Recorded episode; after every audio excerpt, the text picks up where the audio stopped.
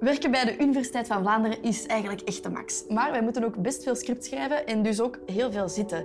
En nu ben ik eens aan het denken, eigenlijk zou ik best nog eens een wandelingetje maken. Want wij worden gevolgd via deze bewegingsmeter, eigenlijk met heel de redactie. En straks gaan wij ook op bezoek bij een prof en die gaat ons kunnen vertellen hoeveel dat wij exact bewogen hebben en of dat ook wel genoeg is geweest. Vandaag gaan we langs op de Universiteit van Gent en ontmoeten we professor Marieke de Kramer. Hey, goedemorgen. Lukt dat met de trap?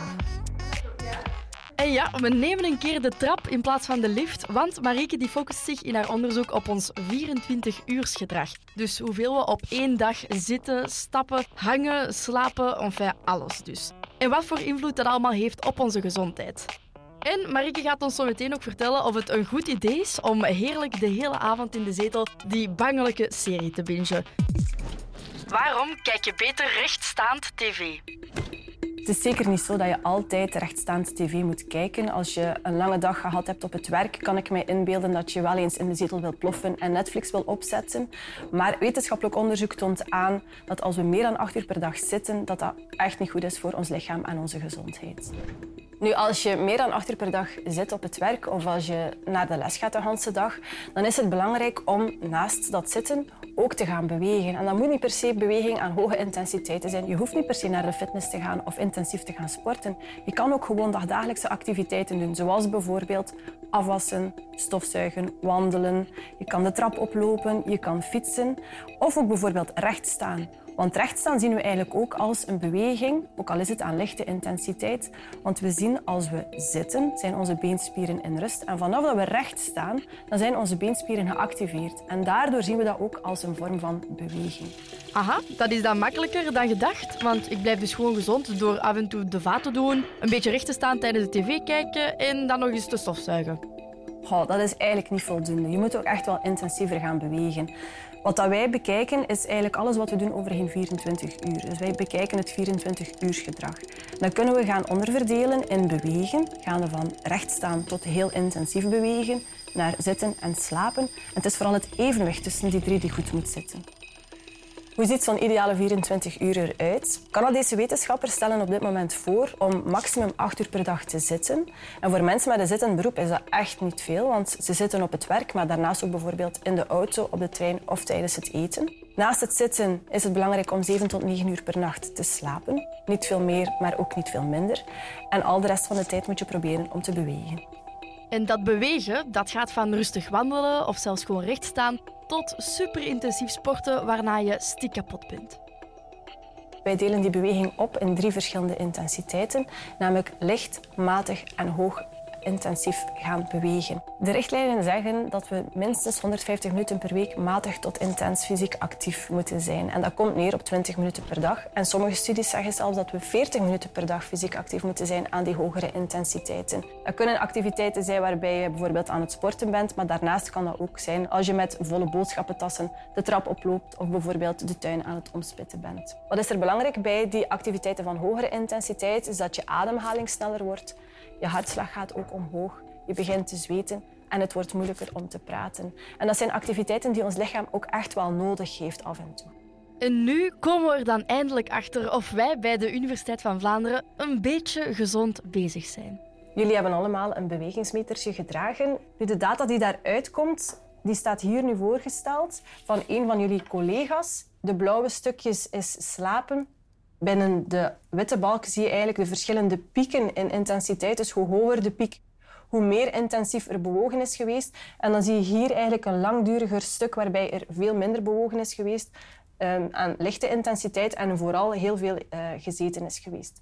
Nu, als we dit gaan bekijken ten opzichte van enkele van jullie andere collega's, dan zien we hier dit voorgesteld in een cirkeldiagram. Het donkerblauwe, dat is zitten. Het oranje is slapen en dan zien we hier bewegen. Enerzijds aan lichte intensiteit, anderzijds aan matig tot hoge intensiteit. Nu, de data die ik daarnet heb getoond, toont eigenlijk aan dat deze persoon toch wel vrij veel zit. Toch een twaalftal uur per dag. Maar daarnaast zien we toch ook een zeer belangrijk luikje. Uh, beweging aan hoge intensiteit, matig tot hoge intensiteit, namelijk een 45-tal minuten, wat echt wel goed is. Als we dan bekijken naar de andere twee profielen, dan voornamelijk het meest rechtse profiel, daar zien we heel veel zitten en heel veel slapen. Dat is een profiel dat heel vaak voorkomt in onze westerse maatschappij. Mensen die uh, een bureaujob hebben en daardoor heel veel zitten en weinig tijd hebben om te bewegen. Dergelijke mensen hebben een groter risico op het ontwikkelen van bijvoorbeeld overwicht of obesitas, uh, diabetes, verschillende soorten kankers, maar ook bijvoorbeeld hartaandoeningen. En daarnaast, naast het lichamelijk welzijn, is ook het mentaal welzijn wel een, een belangrijk aandachtspunt, want ook zij hebben meer kans op het ontwikkelen van angst en depressie. Oké, ik kreeg nog een complimentje omdat ik toch wat gesport heb. Maar kijk, zo ziet het er dus uit bij ons op de redactie. Zitten, zitten en nog eens zitten. Maar hoe kunnen we dat meer bewegen? Want we moeten ons werk toch kunnen blijven doen.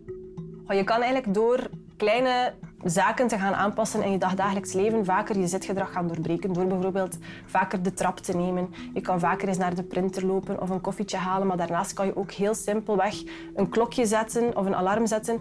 Waardoor dat je regelmatig herinnerd wordt van oké, nu moet ik even mijn zitgedrag gaan doorbreken en dat gaan integreren in je dagelijks leven. Dan duw ik op mijn knopje en dan gaat mijn bureau vanzelf omhoog. En dan kan ik al rechtstaand wat mailtjes beantwoorden, bijvoorbeeld. Ik snap hem. Zoveel mogelijk bewegen dus. Maar jullie houden ook rekening met 7 tot 9 uur slaap. Nu, ik snap dat genoeg slaap zeker belangrijk is, maar dat is ook maar gewoon liggen natuurlijk. Stel je voor, ik heb al een hele dag alleen maar wat op de zetel gehangen. Mag ik dan een uurtje van mijn slaap opofferen om toch nog te gaan sporten? Ik zou niet een uurtje slaap opofferen, maar ik zou eerder een uurtje zetel hangen omzetten naar bewegen of sporten en je slaap echt wel behouden. Want slapen is ook heel belangrijk. En slapen en liggen, dat zijn eigenlijk twee verschillende zaken. Als je slaapt, ben je je niet meer bewust van je omgeving en ga je ook, je lichaam gaat zichzelf herstellen van wat er die dag gebeurd is. En dat is niet zo bij liggen. In vroegere studies werd er vooral gekeken naar bijvoorbeeld enkel beweging en hoe dat een invloed had op onze gezondheid. Maar wij gaan nu verder gaan kijken naar alles wat we doen overheen 24 uur en we willen kijken hoe we die balans goed kunnen uh, krijgen. En dat betekent dus ook dat je niet te veel mag slapen, maar ook zeker niet te weinig. Alles draait dus echt om die balans te vinden en ook te behouden. Want je gelooft het misschien niet, maar er bestaat ook zoiets als te veel bewegen te veel en te intensief bewegen, dat zorgt ervoor dat onze gezondheidsvoordelen terug licht gaan dalen. En zorgt er ook voor dat we een verminderde immuniteit hebben. En wat zien we bijvoorbeeld bij mensen met een fysiek zware job, zoals bijvoorbeeld arbeiders in de bouw of vuilnismannen? Wel, die hebben eigenlijk al heel veel beweging op een dag, ook al is dat aan lichtere intensiteit. Maar daar zien we dat hun lichaam s'nachts niet meer kan herstellen van de lange uren beweging die ze op het werk hebben uitgevoerd. En dat zorgt voor een verhoogde bloeddruk en een verhoogde hartslag. En daarmee hebben zij een grotere kans op het ontwikkelen van hartaandoeningen en bijvoorbeeld het krijgen van een infarct. Evenwichtig leven. Elke dag opnieuw en opnieuw dus. Dat klinkt toch een beetje boring.